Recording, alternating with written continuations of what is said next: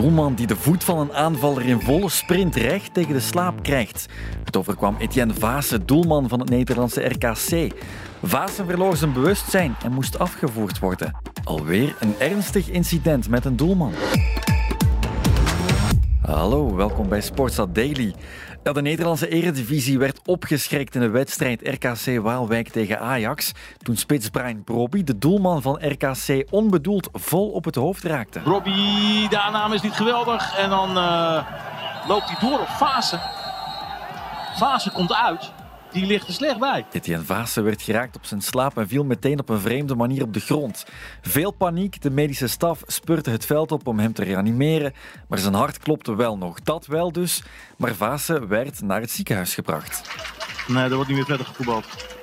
Als je kijkt naar de spelers van RKC, die zitten helemaal stuk. En de wedstrijd werd gestaakt. Vaassen kwam met de schrik vrij, want hij houdt er niks aan over.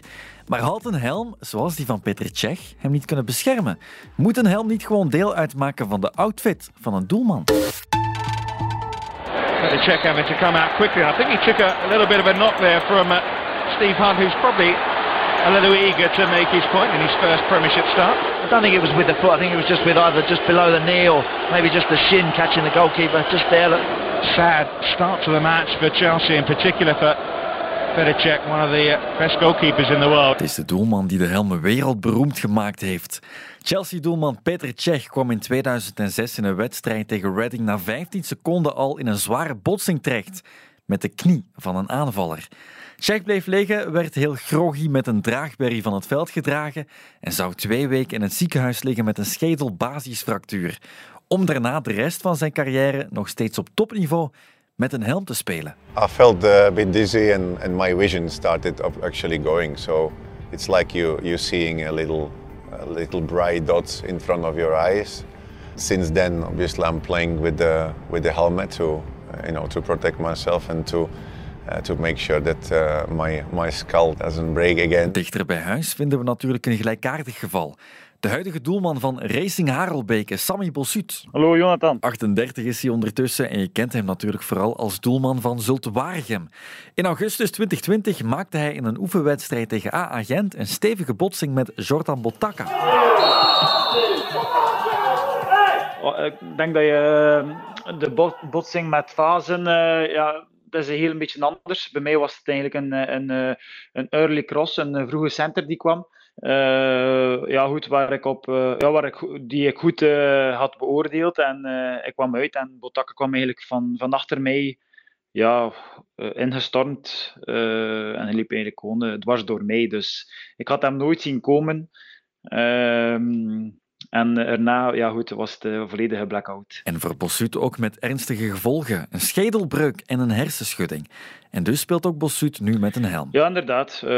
uit voorzorg keeper ik nu altijd uh, met een helm, omdat ja, goed, uh, je weet nooit uh, als je toch een botsing, botsing hebt, hebt op, op identiek dezelfde plaats, dan is de kans groot dat je terug wel iets, iets voor hebt. Dus uit voorzorg keeper ik nu nog altijd wel eh, met een helm, inderdaad. Ja. De helm uit voorzorg dat er nog een keer iets gebeurt, dat is het vaak. Bosut beschrijft ook nog eens waarom het gevaar er is. En dan grijpt hij terug naar de fase in Nederland.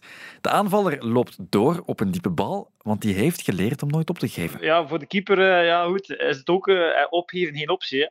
Uh, omdat je je doel wilt beschermen, uh, wilt geen tegendoelpunt slikken en ja, dan ja, riskeer je leef en leden om, uh, om die bal uh, ja, toch tegen te houden. Dat is het risico van het vak en toch zien we weinig keepers met extra bescherming aan. Ook veldspelers gaan vaak hard tegen hard, dat is zeker waar, maar keepers bewegen met meer risico. De kans dat je met je hoofd uh, ergens terechtkomt waar je niet moet zijn als keeper, is groter dan als speler. En dat hoor je van een dokter. Ik ben Chris Goossens, sportarts. Ik heb uh, gedurende 37 jaar op de bank gezeten in uh, verschillende eerste klasseclubs in België, voetbal. Ik heb heel wat meegemaakt, heel wat gezien. Uh, zowat alle letsels die je in het voetbal kunt hebben, zijn gepasseerd. Alles meegemaakt en ook de botsing tussen Vaassen en Brobby ontging hem niet. Het was hier uh, voet vooruit tegen het hoofd, tegen de slaap aan. En uh, dat is natuurlijk, dat weten wij, het rotsbeen, de slaap, uh, dat is zeer kwetsbaar als je daar een harde kniestoot of trap tegen krijgt. Of zelfs een kopstoot. Ja, dat kan zelfs tot ja, tot coma leiden en zelfs tot dood. Dus uh, zou de eerste niet zijn die daar het leven laat. Dat kan je perfect beschermen. Want kijk maar naar andere sporten, hè, waar dat, dat uh, schering en inslag is. In het ijshockey of American football of veldhockey bij een strafcorner. Ja, ik vraag me dan af waarom dat er eigenlijk een afkeer zou zijn voor een helm van een keeper. Denk maar aan Peter Cech. Die man heeft uh, bij Chelsea toch wel een ongelooflijke carrière gehad.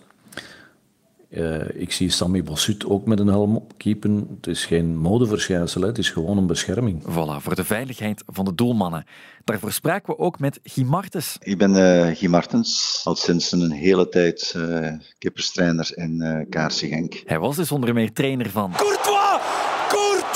En Van de Voort! Maarten van de Voort, die ook nog even met een helm speelde.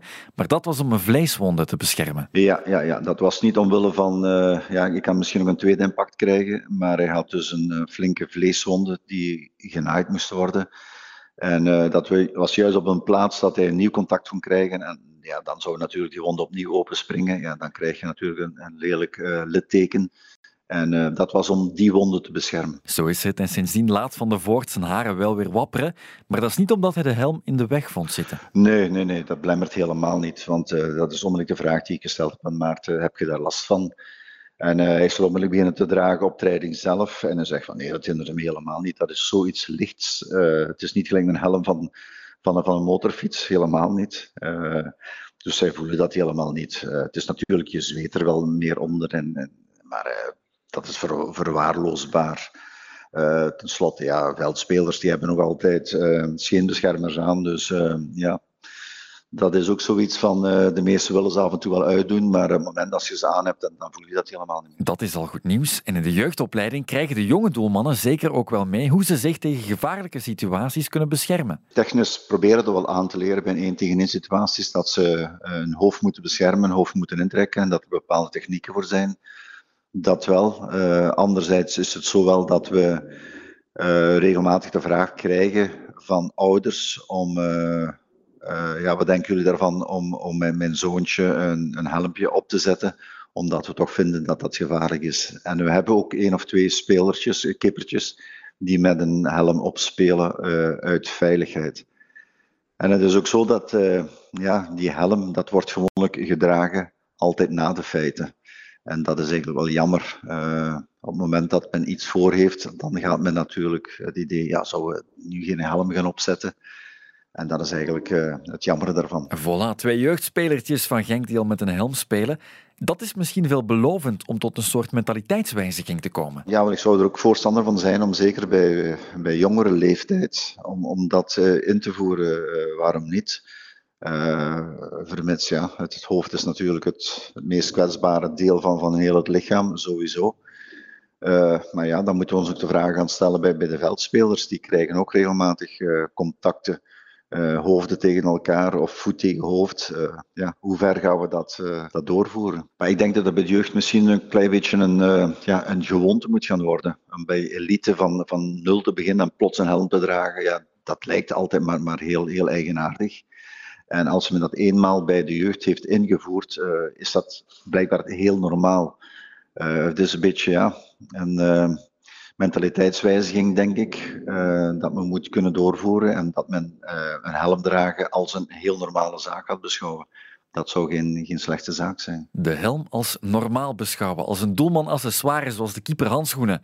Dan moeten we even terug naar Bossut. Die heeft een custom-made helm gemaakt volgens zijn noden. Ja, het is eigenlijk een helm die uh, specifiek wel die plaats uh, beschermt. Uh, ik heb die laten maken. Ehm, en ja, goed, die heeft mij toch wel ja, de, de, de zekerheid en het vertrouwen dat ik nodig heb om om toch wel uh, mijn job te kunnen verder uitoefenen. Zo is het. Had een standaard helm Bossut dan genoeg kunnen beschermen? Ja, je moet wel weten, de nieuwe helm waar ik nu mee speel is met extra bescherming. Dus de helmen die nu uh, eigenlijk voorhandig zijn, denk ik, zijn eigenlijk gewoon ehm, ja, helmen met een dun laagje.